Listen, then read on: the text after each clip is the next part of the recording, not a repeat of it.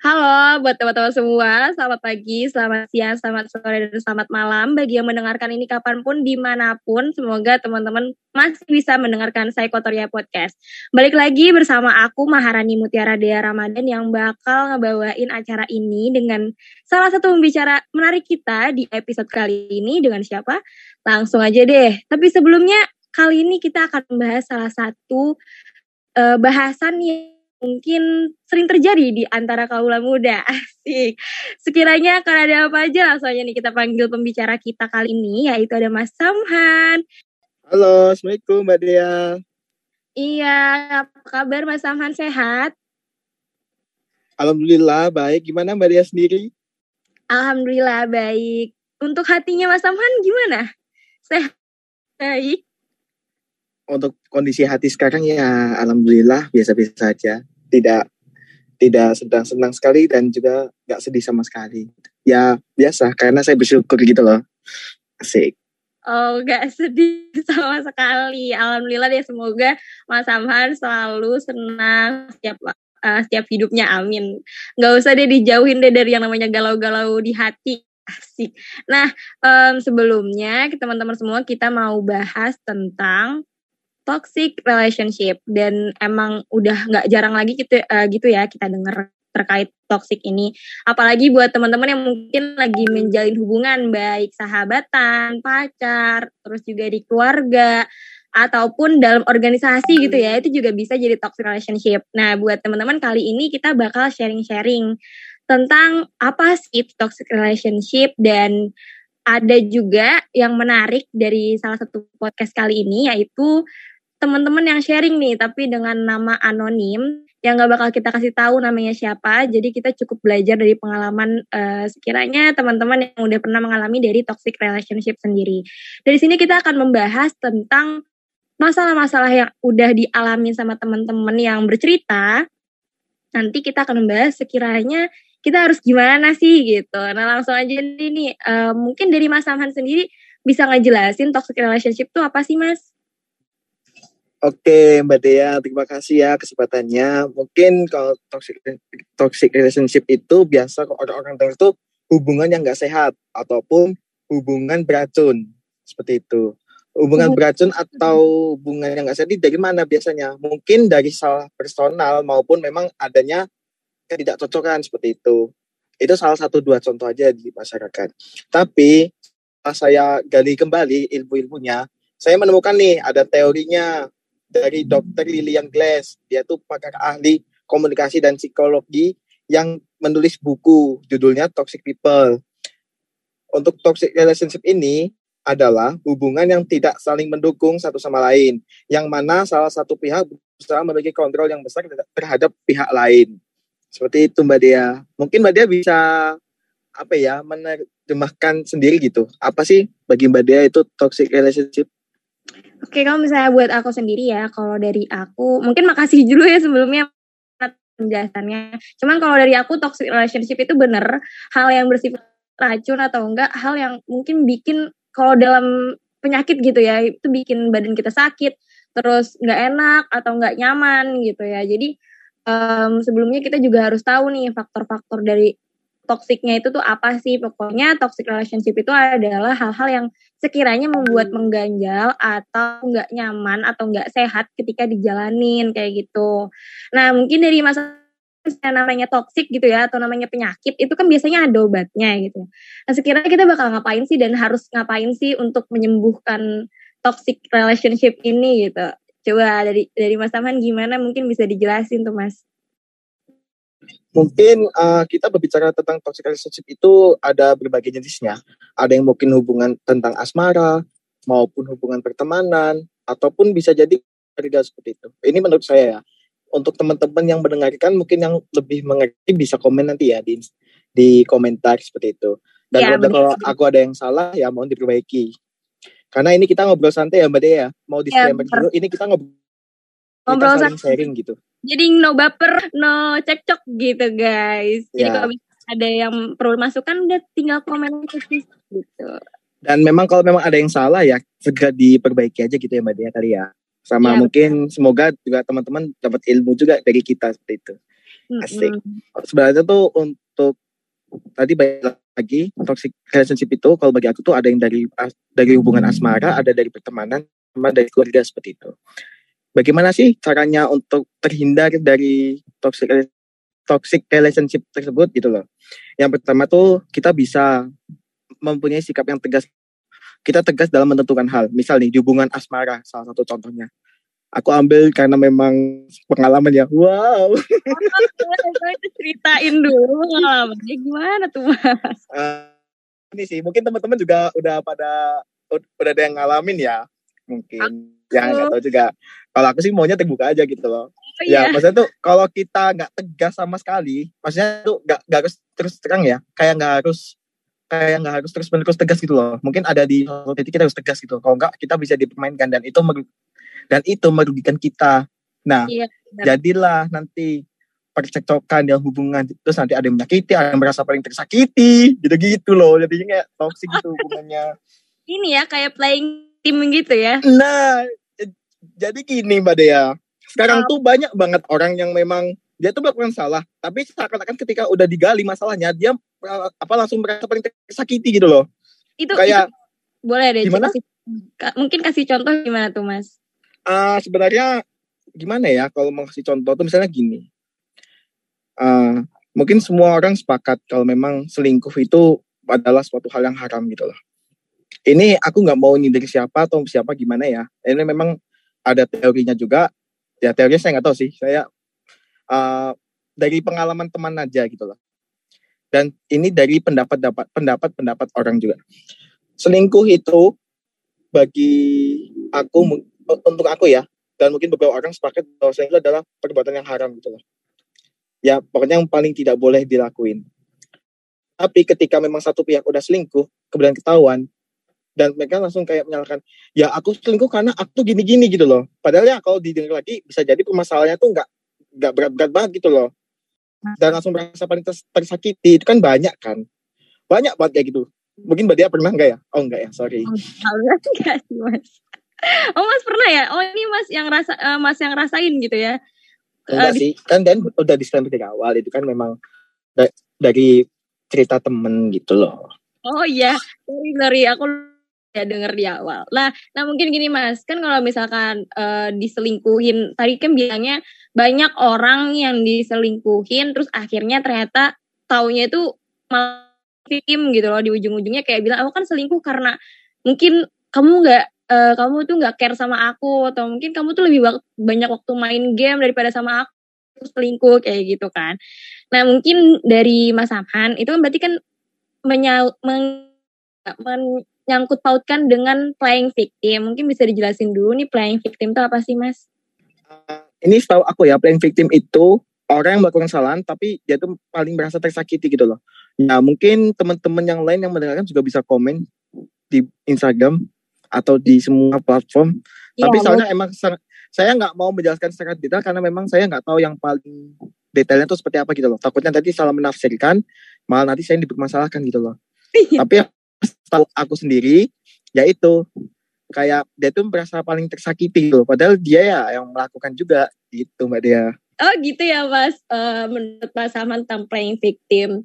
Terus Mas Saman, uh, mungkin kita bisa langsung masuk aja kali ya ke sesi pembahasan nih pembahasan yang dari teman-teman udah curhatin abis itu nanti kita wah ini gimana ya sekiranya gitu kayak ngebahas menurut pandangan kita itu um, untuk sisi psikologisnya gimana gitu? Tapi tapi ini lagi mas apa kayak uh, peringatan lagi kalau misalnya di sini kita belajar bareng-bareng gitu loh. Ini menggunakan ya ilmu dari kita gitu. Kalau misalkan emang ada yang kurang bisa langsung komen aja gitu ya. Mas Samhan Mas boleh Aman, banget, boleh aku, banget. Mas Aman gimana siap aku bacain cerita. Karena ini ceritanya agak panjang gitu loh Mas dari beberapa orang rela siap banget ya. Oh hey, siap banget. Ayo kita coba dengar satu-satu cerita yang dah ngirim tadi. Oke, mungkin um, dari yang tersingkat dulu kali ya. Jadi ada cerita kayak gini, Mas. Pernah diselingkuhin lima kali berturut-turut dengan orang yang sama, satu kali selingkuh terus dimaafin bilang gak akan selingkuh lagi. Eh dia ngulang terus sampai lima kali itu gitu. Nah ini mungkin tadi udah sempat dibahas kali ya sama Mas Samhan yang bilang kalau yang namanya selingkuh itu udah haram gitu. Iya kan ya? Nah, betul. Ini agak menarik nih tentang selingkuh. Boleh kali ngebahas tentang selingkuh tuh kayak um, sekiranya kan cetan sama lawan jenis uh, dari pasangan atau kayak gimana tuh Mas menurut Mas Samhan? Kalau menurut aku sendiri ya, selingkuh itu untuk yang chat tiap hari tuh kalau bagi aku sendiri tuh bu, belum selingkuh sih. Maksudnya memang kita hidup kan akan bertemu oleh lawan hmm. jenis. Jadi hmm. kalau untuk interaksi ya menurut aku belum gitu loh. Untuk titik di mana itu udah selingkuh atau belum, itu di mana saling di mana dua orang antara pria sama wanita itu udah punya perasaan masing-masing itu loh itu bagi aku udah selingkuh. Mm. Kan tadi kan menurut aku kan. Ini sekarang mm. ini menurut pendapatku aja ya berarti ya. Ya, silakan monggo Mas. Mungkin aku juga, juga menurut aku gitu. Oke.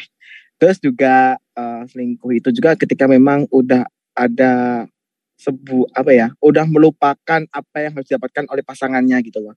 Misalnya mungkin sama pasangannya dulu sering perhatian, ternyata perhatiannya pindah gitu loh sama orang lain. Nah, itu kan berarti kan kalau udah tahap itu, berarti kan udah timbul perasaan. ya. Nah, udah nah itu berarti ya bener. Gitu ya mas ya. Dan apalagi ya, dan kalau memang kita tarik ke bawah lagi, sebelum adanya sebelum adanya kejadian itu biasa itu ada intensitas dalam berkomunikasi gitu loh yang me memang komunikasi tiap hari mungkin yang tadi yang memang terlalu sering itu bisa menimbulkan apa ya kayak chemistry gitu loh kayak wah aku udah cocok nih bagian sini sini gitu mbak Dea ya, itu menurut aku sih menurut aku selingkuh kayak gitu Hmm, hmm, hmm. Ya aku juga setuju sih. Cuman kalau kalau misalnya menurutku ya, kalau misalnya menurutku ya untuk chat dengan lawan jenis dalam hubungan berarti ya baik ntar um, chat tiap hari gitu. Tapi kalau misalkan untuk chat yang keti apa yang nggak berkepentingan terus juga tiap hari itu kan meningkatkan intensitas apa ya riskan dia buat nyaman sama orang lain itu kan. Jadi menurutku itu udah termasuk mungkin belum selingkuh tapi kayak udah jalan menuju selingkuh gitu loh mas. Iya gak sih? Atau bener banget sih, bener banget berarti ya. Jadi kayaknya kalau bisa gitu ya di apa di minimalisir gitu terhadap lawan jenis maksudnya kayak hubungan yang emang chatnya nggak penting dan nggak perlu diungkapkan ya diminimalisir aja gitu kali ya buat orang-orang yang sekiranya oh dia selingkuh nih gitu atau enggak emang emang aku selingkuh ya kayak gini gitu Iya gak sih? Atau kalau misalnya buat temen-temen yang emang rasa enggak menurutku selingkuh tuh kayak gini-gini, enggak menurutku teleponan, fit callan sama sleep callan selama pacarku nggak masalah ya itu nggak selingkuh itu monggo. Tapi mungkin dari aku dan Mas Samhan seperti itu teman-teman. Jadi uh, jangan deh pokoknya di wanti-wanti gitu ya buat pasangan teman-teman buat nggak apa ya intensitas lebih gitu dengan yang lain siapa tahu berpindah hati atau malah kaconya lagi nih ya Mas Saman ya. tiba-tiba hilang, tiba-tiba hilang. Udah, wah ini anak ke mana gitu. Ntar, ntar kalau misalkan udah hilang langsung deh play victim. Abisnya kamu nggak ngasih gini buat aku gitu. Nah, itu, itu yang terjadi di kota-kota besar Mbak Dea. oh, oh ya. Itu jadi salah satu hal yang saat ini sampai saat ini paling ini nih paling hit gitu. Mungkin kita lanjut aja kali ya setelah dari Boleh Mbak Dea. Boleh. Kita tentang pertemanan. Lingkungan pertemanan yang gak sehat termasuk toksik gak sih? Yang selalu ada persaingan yang tidak sehat, menyebut keburukan teman orang lain gitu kan. Terus uh, orang ini atau yang menulis ini, alhamdulillah sekarang kesehatan mental diri sendiri lebih penting dari apa pun dan berhasil keluar dari lingkungan itu. Bentar-bentar berarti uh, orang ini itu sempat berada di lingkungan pertemanan yang nggak sehat gitu ya kayak selalu pengen menyaingi atau kayak apa ya merasa dirinya oh aku harus lebih bagus nih daripada dia kayak gitu ya jangan menyebut keburukan teman ke orang lain gitu. Yang seakan-akan nggak mau nggak mau tahu caranya aku itu harus lebih dari dia kayak gitu kali ya mas? Bener mbak Dea. Nah, menurut Mas Samhan nih tentang pertemanan yang toksik atau lingkungan pertemanan yang toksik gitu ya, tentang adanya persaingan yang tidak sehat, itu cara nyegahnya gimana ya? Kan sekarang kan banyak gitu ya, menurutku juga pertemanan-pertemanan pertemanan yang berkubu-kubuan terus akhirnya ingin saling menyaingi itu kan juga kurang baik tuh ya Mas Aman. Itu menurut Mas Aman gimana ya caranya supaya meminimalisir meminimalisir hal tersebut? Oke, berarti sekarang kita berbicara tentang toxic relationship di pertemanan seperti itu ya Mbak Dia ya. Betul banget. Oke. Dan memang untuk makin ini nggak tahu ya, ini perasaan aku aja atau memang teman-teman yang lain tuh merasakan juga gitu loh. Semakin kita besar, semakin kita bertumbuh, semakin kita berkembang, pastinya hmm. makin banyak orang yang nggak suka seperti itu. Iya benar. Dan, dan terlebih dan, dan terlebih itu bukan orang lain, terkadang tuh teman sendiri dan paling pahitnya itu sahabat sendiri oh, bener, kayak bener. memang orang-orang itu tuh kayak nggak terima kalau kita maju gitu loh itu pasti Hah? ada aku Hah? bilang nggak semuanya tapi pasti ada contoh aja kayak gini semisal semisal ada satu orang ini punya lingkaran pertemanan itu katakanlah 10 orang gitu loh nah mereka itu bisa kumpul karena memang udah satu frekuensi dan kemudian ketika memang satu orang ini berjaya, katakanlah nilainya bagus atau nggak berprestasi, banyak orang uh, banyak orang nggak suka sama dia. Dan juga ada juga dari teman circle-nya dia nggak suka gitu loh. Harusnya kan kalau teman kan kayak suportif gitu, kayak harus mendukung penuh apa yang memang teman apa yang temennya lagi kejar gitu loh. Nah, sama halnya saya juga ada cerita sih sebenarnya. Ini sedikit sharing saja. Oh, uh, gimana tuh?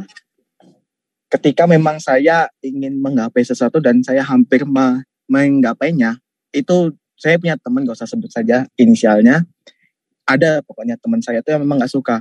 Ketika memang saya ini udah mau menggapai sesuatu itu, langsung teman saya itu mencari ber, beberapa kali untuk jatuhin aku gitu loh. Kayak memang awalnya memang teman dekat ke mana-mana kita bareng makan bareng bahkan sampai kita ngunjungin temen yang lain kita bareng kayak gitu tapi memang ya namanya temen kan kalau di awal kan belum kelihatan kan sifat aslinya kan. Ternyata di air air air air pertemanan kita sekarang mungkin putus kontak sih. Karena memang akunya udah gak nyaman gitu loh. Nah itu kan cuma sedikit contoh uh, contoh dari aku sendiri gitu loh. Bukan aku merasa bukan tersakiti ya memang memang pernah gitu loh. Dan juga uh, kalau dari aku sendiri sih untuk menghindari dari pertemanan toksik yang jelasnya tuh kita kenali dulu siapa teman kita gitu lah sama apa ya sama lebih ke gimana sih cara kita ngetrit teman kita gitu loh. Katakanlah kalau memang teman kita baik ketika kita treat yang baik maka teman kita juga akan senang sama kita gitu loh. Teman kita juga akan memberikan terbaik buat kita gitu loh. Tapi kalau memang kalau dari kita sendiri ngasih treat ke temen tuh udah nggak benar pasti orang orang itu udah nggak seneng kan sama kita kan. Jadi iya. kayak mau mendukung juga kayak udah males karena memang dikasih treatnya seperti gitu gitu loh dari kita. Terus juga mencari orang yang memang satu frekuensi sama diri kita sendiri gitu loh. Nah, itu itu bener banget tuh mas. Itu yang memperlanggeng hubungan gitu. yang memperkuat hubungan sampai akhir baik pertemanan, keluarga atau apa pun itu sih menurutku. Nah, satu frekuensi itu memang penting banget gitu loh. Ya katakanlah banyak orang juga sih yang ngobrol tuh memang nggak satu frekuensi kan nggak nyaman juga gitu kan. Uh-huh. Nah makanya untuk apa ya untuk meminimalisir lah kita cari teman satu frekuensi dan juga cari teman yang bisa menerima apa adanya gitu loh. Nah, kayak betul. kayak gini, kayak apa pun kondisinya, apa pun kondisi diri kalian, apa pun mau apa pun lagi senang maupun sedih, ya teman kalian ya pasti ada gitu loh. Ketika seneng ya teman kalian ada, ketika susah teman kalian juga ada gitu loh. Dan itu teman yang ada itu biasanya itu yang menerima apa adanya gitu loh. Kan banyak tuh sekarang pertemanan yang memang udah menaruh kayak minimal gitu loh. Ih, kamu boleh berteman sama aku, tapi minimal pakai Gucci gitu. Wah, salah, salah. Iya. Ya, maksudnya aku nggak nyalain juga untuk orang seperti itu. Itu memang hmm. memang haknya mereka gitu loh. Tapi kalau memang dari aku sendiri kayak lebih enak untuk berteman yang apa adanya gitu loh. Iya bener banget. Nggak usah banyak gaya lah ya. Udah gitu temenan apa adanya. Ngalir aja gitu. Tapi ya nih ya Mas ya. Kadang nih ya. Um, berbicara tentang biasanya hal-hal yang kayak berbau toksik itu datangnya dari sahabat sendiri. Nih ya, aku tuh sempet dengar kata-kata kayak gini. Sebenarnya ya sahabat kita atau temen deket kita itu bukannya nggak mau lihat kita sukses, tapi temen deket atau sahabat kita itu kadang nggak mau nih mereka itu tuh lebih sukses daripada kita. Ya nggak sih? Itu menurut Mas Aman gimana? Bener nggak sih kata-kata kayak gitu? Uh, sebenarnya untuk pembuktian dari kata-kata itu saya belum tahu sih. Uh, kemungkinan dari teman-teman yang lain udah pernah merasakan gitu ya. Tapi kalau dari saya sendiri itu belum. Jadi saya belum berani gitu loh. Mungkin oh. teman-teman yang udah pengalaman mungkin bisa menceritakan lebih detail juga gitu loh. Kita hmm. kan di sini sharing-sharing gitu kan. Ya, sharing-sharing aja. Ini kayak ya bahas random gitu guys. Jadi uh, mungkin dari apa dari sisi aku seperti ini, dari sisi Mas Aman seperti ini, mungkin dari sisi teman-teman kayak gimana gitu. Mungkin bisa komen aja langsung kayak oh enggak sih waktu aku Mm, temenan sama dia dia selalu nyupport aku. Oh, alhamdulillah berarti anda termasuk dalam hubungan yang sehat gitu ya health relationship kayak gitu. Nah mungkin dari mas Aman ada lagi nggak sih mas tentang uh, pertemanan nih? Pertemanan yang toksik sekiranya ada lagi nggak yang pengen mas Aman sampein nah kayaknya kalau dari aku enggak sih tapi kalau masalah pertemanan gitu ya berarti kan kita berbicara tentang circle kalau aku men aku menganalogikan tuh kayak lingkungan ini ya pertemanan itu bagaikan pasar dan kita adalah produknya gitu loh Mbak Dea. Uh, katakanlah lingkaran kita ini sekarang adalah produk sayuran. Sedangkan dari kita sendiri itu adalah daging. Apakah ketika daging di tempat sayuran itu adalah sebuah hal yang pantas gitu loh? Kan nggak satu frekuensi juga kan? Nah itu sayuran, nah itu daging. Ya sama halnya dengan kita gitu loh. Ketika kita ketika kita ditempatkan di sebuah tempat yang memang nggak cocok sama kita, ya kita nggak bakal apa-apa gitu. Yang ada kita cuma ditindas, kita dihina-hina, mungkin kita dihianati dan sebagainya. Tapi ketika kita sudah berada di tempat yang pas, yang memang satu frekuensi sama kita, kita pasti akan mendapatkan support gitu loh. Kita akan dorongan dan nilai-nilai positif lainnya. Walaupun memang akan sempat mendapatkan negatif seperti itu. Tapi lebih banyak positifnya seperti itu Mbak Dea. Mungkin sekian. Um, bener-bener. Tapi masih ya bener gak sih kalau misalkan kan tadi kan menggolongkan gitu ya antara uh, pasar gitu daging dengan juga sayur. Tapi kalau seandainya kita pikir-pikir lagi ketika itu diolah, mungkin kalau seandainya bisa dianggap menjadikan hal yang positif tuh baik banget gak sih mas? Maksudnya um, sebenarnya ya sebenarnya kayaknya nggak apa nggak uh, harus satu nggak harus satu frekuensi. Cuman untuk meminimalisir toxic relation eh ya toxic relationship pada pertemanan mungkin salah satunya yang menghindari perbedaan frekuensi kayak gitu. Itu mungkin salah satu cara gitu ya gimana caranya kita terhindar dari orang-orang yang mungkin tadi yang disebut sama Mas Samhan uh, hinaan lah atau caci maki atau perdebatan gitu dari uh, pertemanan gitu. Yang mungkin kita yang nggak mungkin kita nggak pengen gitu loh. Mungkin dari pertemanan kayak gitu. Kita lanjut aja kali ya mas ke cerita selanjutnya. Karena ini yang ini kali ini panjang. Ini agak seru nih tentang LDR wow. Siap untuk didengarkan nih mas Samhan? Ya oke cerita ini jadi dari orang ini bilang mengenai toxic relationship, jujur rasanya sampai bikin takut dan trauma sama kenangan dan orangnya. Mungkin masih banyak orang yang lebih parah lagi mendapat toxic relationship, tapi ini menurutku pengalaman yang paling aku takutkan akan terjadi lagi waktu itu. Aku dulu menjalani hubungan bersama seseorang hampir kurang lebih tiga tahun. Satu orang menjalani hubungan satu tahun menjalin hubungan kita LDR Belitung Jogja dan sampai titik di mana awal tahun 2020 aku memutuskan untuk menemuinya. Awal bertemu kita masih normal menjalin hubungan, ketawa, berantem sedikit ya layaknya orang pacaran. Tapi setelah sekitar enam bulan kita bersama di satu kota, setiap harinya kita jalan bareng bareng-bareng dia mulai menunjukkan semua perlakuan kasarnya ya. Dia bilang sih karena takut kehilangan katanya. Awalnya cuma bentakan dan teriakan dikit aja, tapi lama-kelamaan dia mulai main tangan. Wah, mulai main tangan ya ini agak agak serem gitu. Apalagi buat cewek. Setiap kita berantem dia selalu mukul, nendang, nampar, atau mendorong sampai sering kali badanku tuh memar dan bodohnya aku selalu diem Bentakan dan kata-kata kasar dari dia itu dulu adalah makanan sehari-hari selama kita menjalin hubungan. Kemudian aku nggak pernah punya teman sama sekali. Dia sangat membatasi pertemananku maupun sama cewek ataupun sama cowok. Dan lebih parahnya lagi, aku nggak boleh nge-save nomor teman-teman cowok kuliah aku. Aku nggak boleh pergi main sama teman-temanku setiap harinya harus selalu pulang bareng sama dia. Dan setiap aku mau jalan bareng, aku harus nunjukin pakaian yang aku pakai dulu ke dia dia harus tahu dulu aku pakai baju apa, pakai celana apa, dan nggak boleh pakai make up dan parfum sedikit pun kalau pergi keluar. Aku dituntut harus selalu sempurna di depan teman-temannya dan sering kali aku diperlakukan layaknya pengemis cinta ke dia di depan teman-temannya. Orang lain sih bilang jadi aku enak apa-apa selalu dibelikan sama pacarnya, tapi dibalik semua itu batin, fisik, dan mentalku benar-benar dihancurin nggak sampai di situ akhirnya pertengahan tahun 2021 kita LDR lagi karena dia sudah selesai menjalankan kuliahnya. Aku pikir setelah kita LDR semuanya bakal lebih membaik. Ternyata aku salah. Ya memang kekerasan fisik sudah tidak ada lagi tapi kekerasan mental masih terus berlanjut selama kita LDR. Jadi sama kita LDR, aku benar-benar harus fit call sama dia sampai 2, 4 per 7. Harus ngabarin dia dan aku mau belanja di supermarket pun waktunya dibatesin. Mau ngambil uang ATM pun nggak dibolehin. Jadi setiap harinya aku selalu digofoodin demi biar aku nggak keluar ke mana-mana.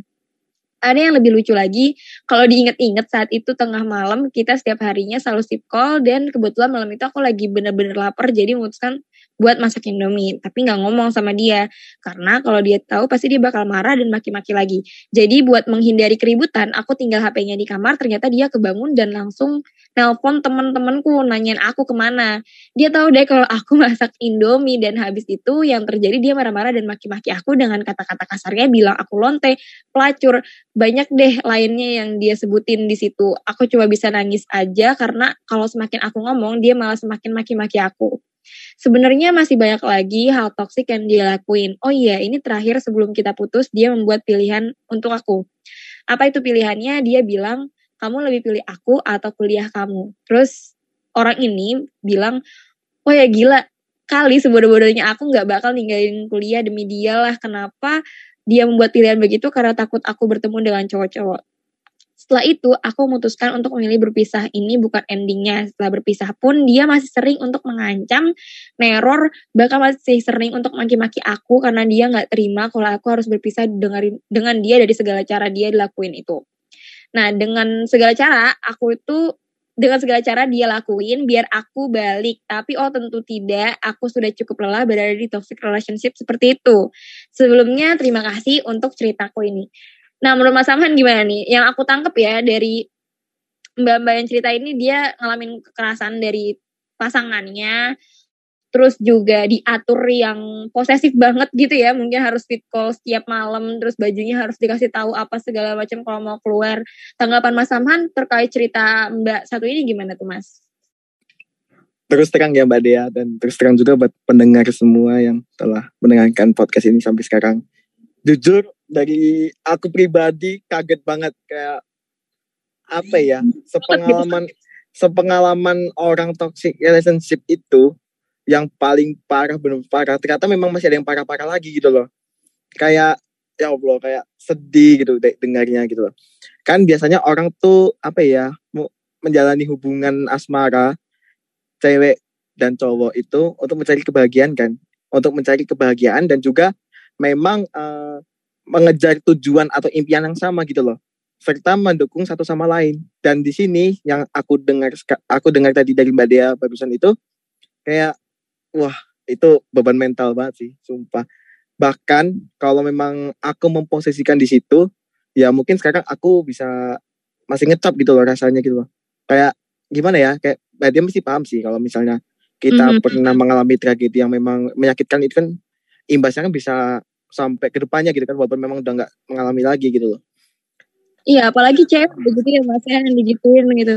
Kadang perkataan aja tuh membekas gitu ya nggak sih? Bener nggak sih para Bener cewek? banget. Ya itu tadi yang sesuai yang cerita dari mbaknya tadi kayak sampai dikatakan kayak gitu kayak woi sakit hati sebenarnya itu kok dikatain kayak gitu. Jangankah jangankah dianya deh kayak misalnya dia punya temen nih terus kayak orang lain ngatain dia kayak gitu temannya juga pasti marah gitu loh. Apalagi keluarganya gitu loh. Mm -hmm. itu marah banget karena itu adalah penghinaan yang besar gitu. ini orang yang udah dicintain gitu ya orang yang paling dipercaya gitu kayaknya ya. Terus dikata-katain gitu yang kadang cewek aja tuh dikatain tuh lemahnya minta ampun apalagi sampai dipukul gitu ya.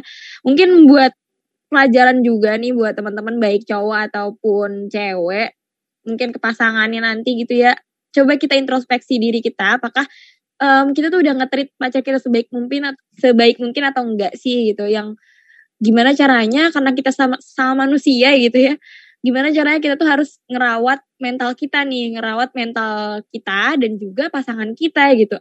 Kita dengan kayak gini tuh mental pasangan kita tuh baik-baik aja atau enggak sih gitu. Nah kita tuh introspeksi lagi nih, kalau ternyata enggak ya coba diperbaikin lagi, omongin baik-baik dan bener banget kata Mas Samhan gitu bahwa suatu hubungan itu adanya itu buat cari kesenangan bersama-sama, cari cita-cita um, yang ingin dilaluin bersama-sama gitu yang ingin digapai sama-sama kalau misalkan yang dari jalannya aja udah sulit gitu ya Mbak Saman ya. Dari jalannya aja udah saling menyakitkan, gimana caranya itu bisa mencapai cita-cita yang diinginkan gitu teman-teman. Oke mungkin lanjut lagi nih Mas. Ada cerita lagi yang agak menarik setelah dari yang agak menyakitkan gitu ya. Ini jujur sih, aku speechless banget sih ngebaca. Sedih Tapi Mbak Dea, sebelum lanjut boleh aku nambahin dikit? Oh monggo Mas Saman gimana tuh? uh, cuman pesan aja sih untuk bayang tadi udah uh, mengirimkan pesannya secara anonimus. Saya saya mungkin nggak tahu siapa mbaknya, tapi mbaknya tetap semangat ya mbak. Terima kasih mbak udah berjuang sampai saat ini. Silakan mengambil waktu bebas mbaknya untuk memperbaiki apa yang telah dirusak olehnya seperti itu. Silakan mbak Dea. And ya yeah, bener banget. And you deserve better than him maybe. Oke. Okay. Um, aku lanjut deh nih cerita tentang pacar toxic. Oh, ini pacar lagi sih. Tapi emang mostly itu emang kalau misalnya toxic relationship itu tentang pacar ya gitu. Tapi nggak apa semoga ini bermanfaat ya buat para pasangan gitu. Aku masih berhubungan sampai sekarang sama pacar tuh. Udah lumayan lama dan menginjak usia satu tahun enam bulan. Aku baru sadar kalau hubungan kami itu toxic belakangan ini. Pacarku masih berhubungan dengan mantannya aku sebenarnya nggak pernah masalah sih kalau dia masih berhubungan sekedar nanya kabar atau gimana mengingat juga mereka rekan kerja gitu. Tapi belakangan aku baru tahu kalau dia itu masih suka nyuri-nyuri waktu buat ketemu mantannya. Pernah waktu itu dia bohong sama aku buat pergi distribusi kaos KKN. Saat itu dia KKN. Dari jam 5 sore sampai jam 9 malam. Tapi ternyata yang dia lakukan bukan distribusi, malah berada di rumah mantannya. Dan aku nggak tahu apa yang dilakukan. Kalau semisal dia bilang ke aku untuk pergi ke rumah mantannya dan mengatakan apa keperluannya, mungkin aku nggak akan marah. Tapi yang dia lakukan cuma berbohong dan berdalih mengembalikan barang yang tertinggal. Nggak sekali dua kali dia nyuri waktu buat ketemu atau ke rumah mantannya atau bahkan jalan sama mantannya. Karena aku udah nggak tahan, akhirnya aku beraniin diri buat speak up. Aku termasuk orang yang nggak gampang marah dan nggak dan gampang banget buat maafin orang. Saat aku speak up, yang dia lakukan malah ngegaslighting, kemudian playing victim, dia bilang kalau aku nggak pernah percaya sama dia dan selalu curiga sama dia. Dia juga bilang kata-kata yang bikin aku ngerasa aku nggak seharusnya speak up dan end it up, yang minta maaf malah aku gitu. Dia nggak pernah minta maaf atas kejadian itu. Dia tetap nyalain aku karena terus curiga sama dia. Dari situ aku coba buat gak nyari apa-apa lagi karena aku takut sakit hati. Tapi emang semua ditunjukin terus. Beberapa kali aku tahu sendiri kalau dia pergi lagi sama mantannya. Beberapa kali dia menghubungi mantannya untuk sekedar nanya di mana dan apa mantannya punya waktu untuk pergi bersama di akhir pekan. Aku kadang nyalain diri aku sendiri karena waktu itu terlalu cepat buka hati. Belakangan aku juga baru tahu kalau dia emang udah cukup lama sama mantannya sekitar 2 tahun hubungan mereka. Dan aku masuk kehidupannya mungkin saat dia belum benar-benar lupa sama mantannya.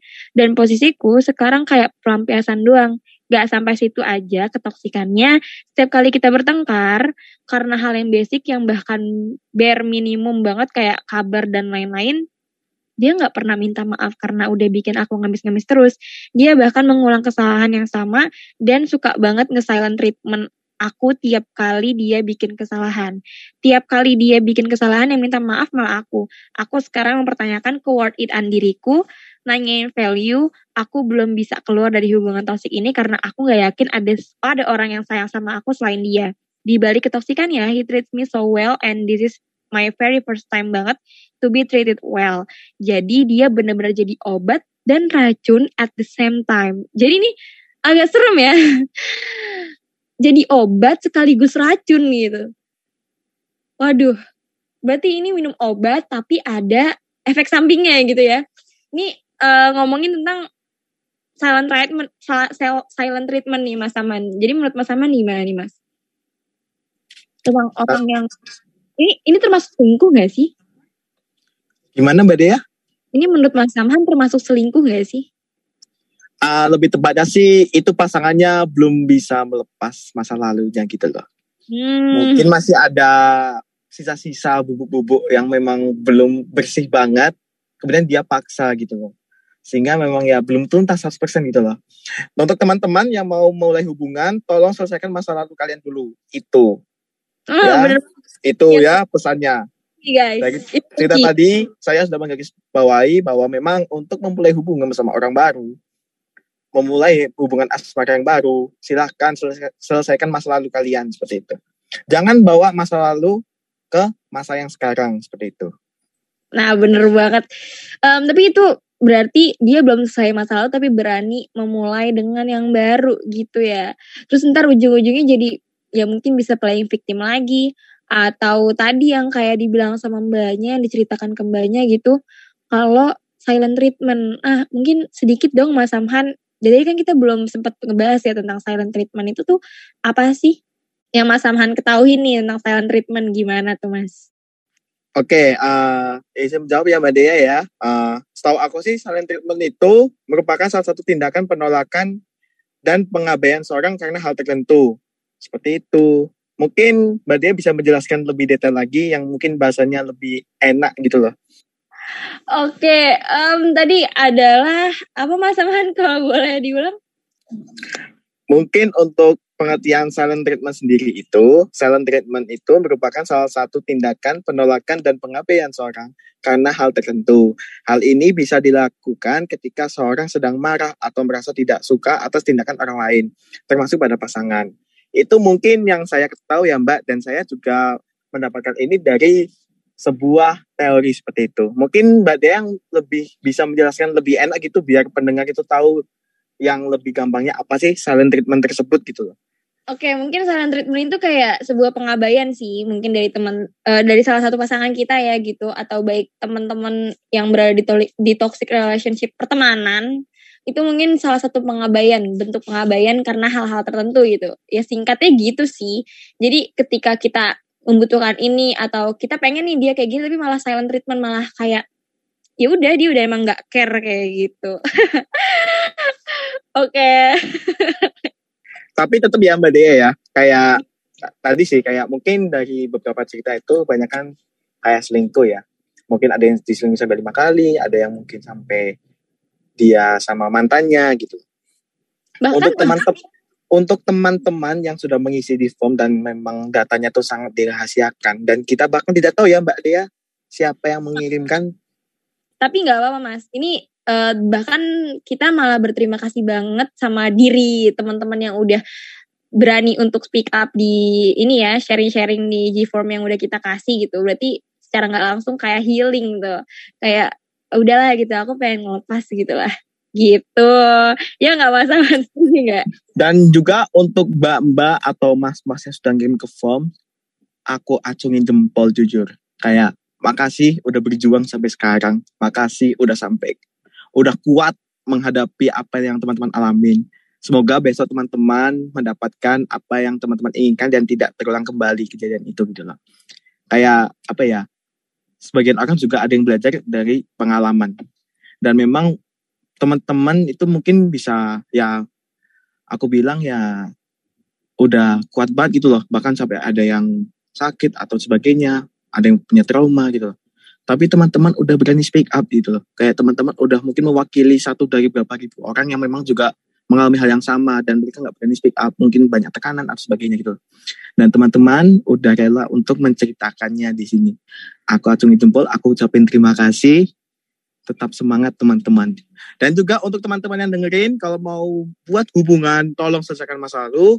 Tolong yang punya pasangan, tolong dikasih treat yang baik seperti itu. Karena yang apa ya, karena memang yang teman-teman aja membuat hubungan itu adalah manusia.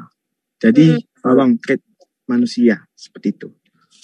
Ya gimana lah layaknya kita pengen di treat gitu ya. Jadi kalau kita pengen di treat baik ya udah treat baik gitu loh ke saling apa ke pasangannya gitu. Jangan janganlah ngebuat hal yang buruk atau kalian menurut kalian ini menyenangkan gitu buat ngetrit dia kayak gini tapi ternyata bikin mental health-nya tuh rusak gitu jadi coba tolong diperhatiin lagi buat teman-teman yang menjalin hubungan baik di keluarga ataupun pertemanan gitu ya ataupun pacaran gitu ya tolong lah gitu oke okay. nah hmm, karena sudah di akhir gitu ya Mas Samhan ya tapi ini juga sebenarnya masih ada beberapa lagi tapi kurang lebih sama seperti apa yang uh, sudah disampaikan. Sekali lagi aku juga mau terima kasih banyak banget buat teman-teman yang udah berani mencurhatkan sebagian ceritanya atau sedikit ceritanya tentang toxic uh, relationship baik di keluarga, pertemanan ataupun hubungan kayak gitu. Uh, makasih banyak dan sekali lagi benar kata Mas Aman kalian hebat banget udah bisa bertahan sampai sekarang. Dan satu lagi nih, pesan buat teman-teman semua ya buat yang mendengar ini dan juga yang nantinya yang bagi yang menjalankan hubungan gitu ya coba di introspek apa di intros introspeksi diri lagi buat teman-teman apakah kita sudah mengetrit pasangan kita, teman kita, keluarga kita, sahabat kita dengan baik atau belum. Kalau misalkan belum, coba deh dipikir-pikir lagi gitu. Mungkin itu aja dari kami nih, dari Mas Aman. Gimana Mas Aman? Seneng gak Mas Aman sharing-sharing gimana nih? Kayaknya oh, masih juga sempet kayak apa, gimana ya Mbak Dea? Aku mungkin bisa beruntung banget gitu loh, bisa mendengar gitu cerahan hati dari teman-teman dari KBMF gitu ya. Wah, memang tahu banget perjuangan mereka gitu. Kayak oh. kayak jadi tersentuh gitu dengan kisah mereka kayak hmm. ya kayak untuk teman-teman yang belum mengalami kayak banyak bersyukur aja sih kayak gitu. Mm, Um, jadi buat teman-teman yang setidaknya belum mengalami bisa banget ambil cerita-cerita dari sini dan juga mungkin ada pencegahan-pencegahan gitu ya gimana sih harusnya gitu. Yang tadi mungkin seperti disebut kita harus cari yang frekuensi, terus juga hmm, gimana caranya kita sama-sama harus bahagia gitu ketika memiliki hubungan dan jangan sampai ada yang salah satunya pincang atau tersakiti gitu. Jadi ya mungkin bisa juga tuh dileketin lagi gitu tentang uh, tentang komunikasinya gitu. Nah, mungkin cukup sekian tentang podcast kali ini membahas toxic relationship dari saya Maharani Mutiara Dea Ramadan dan juga speakernya nih Mas siapa Mas Saman? Monggo. Ya, saya Muhammad Saman Abidin. Ya, izin pamit undur diri juga. Ya, kami pamit undur diri. Sekian, terima kasih. Semoga bisa diambil maknanya. Assalamualaikum warahmatullahi wabarakatuh.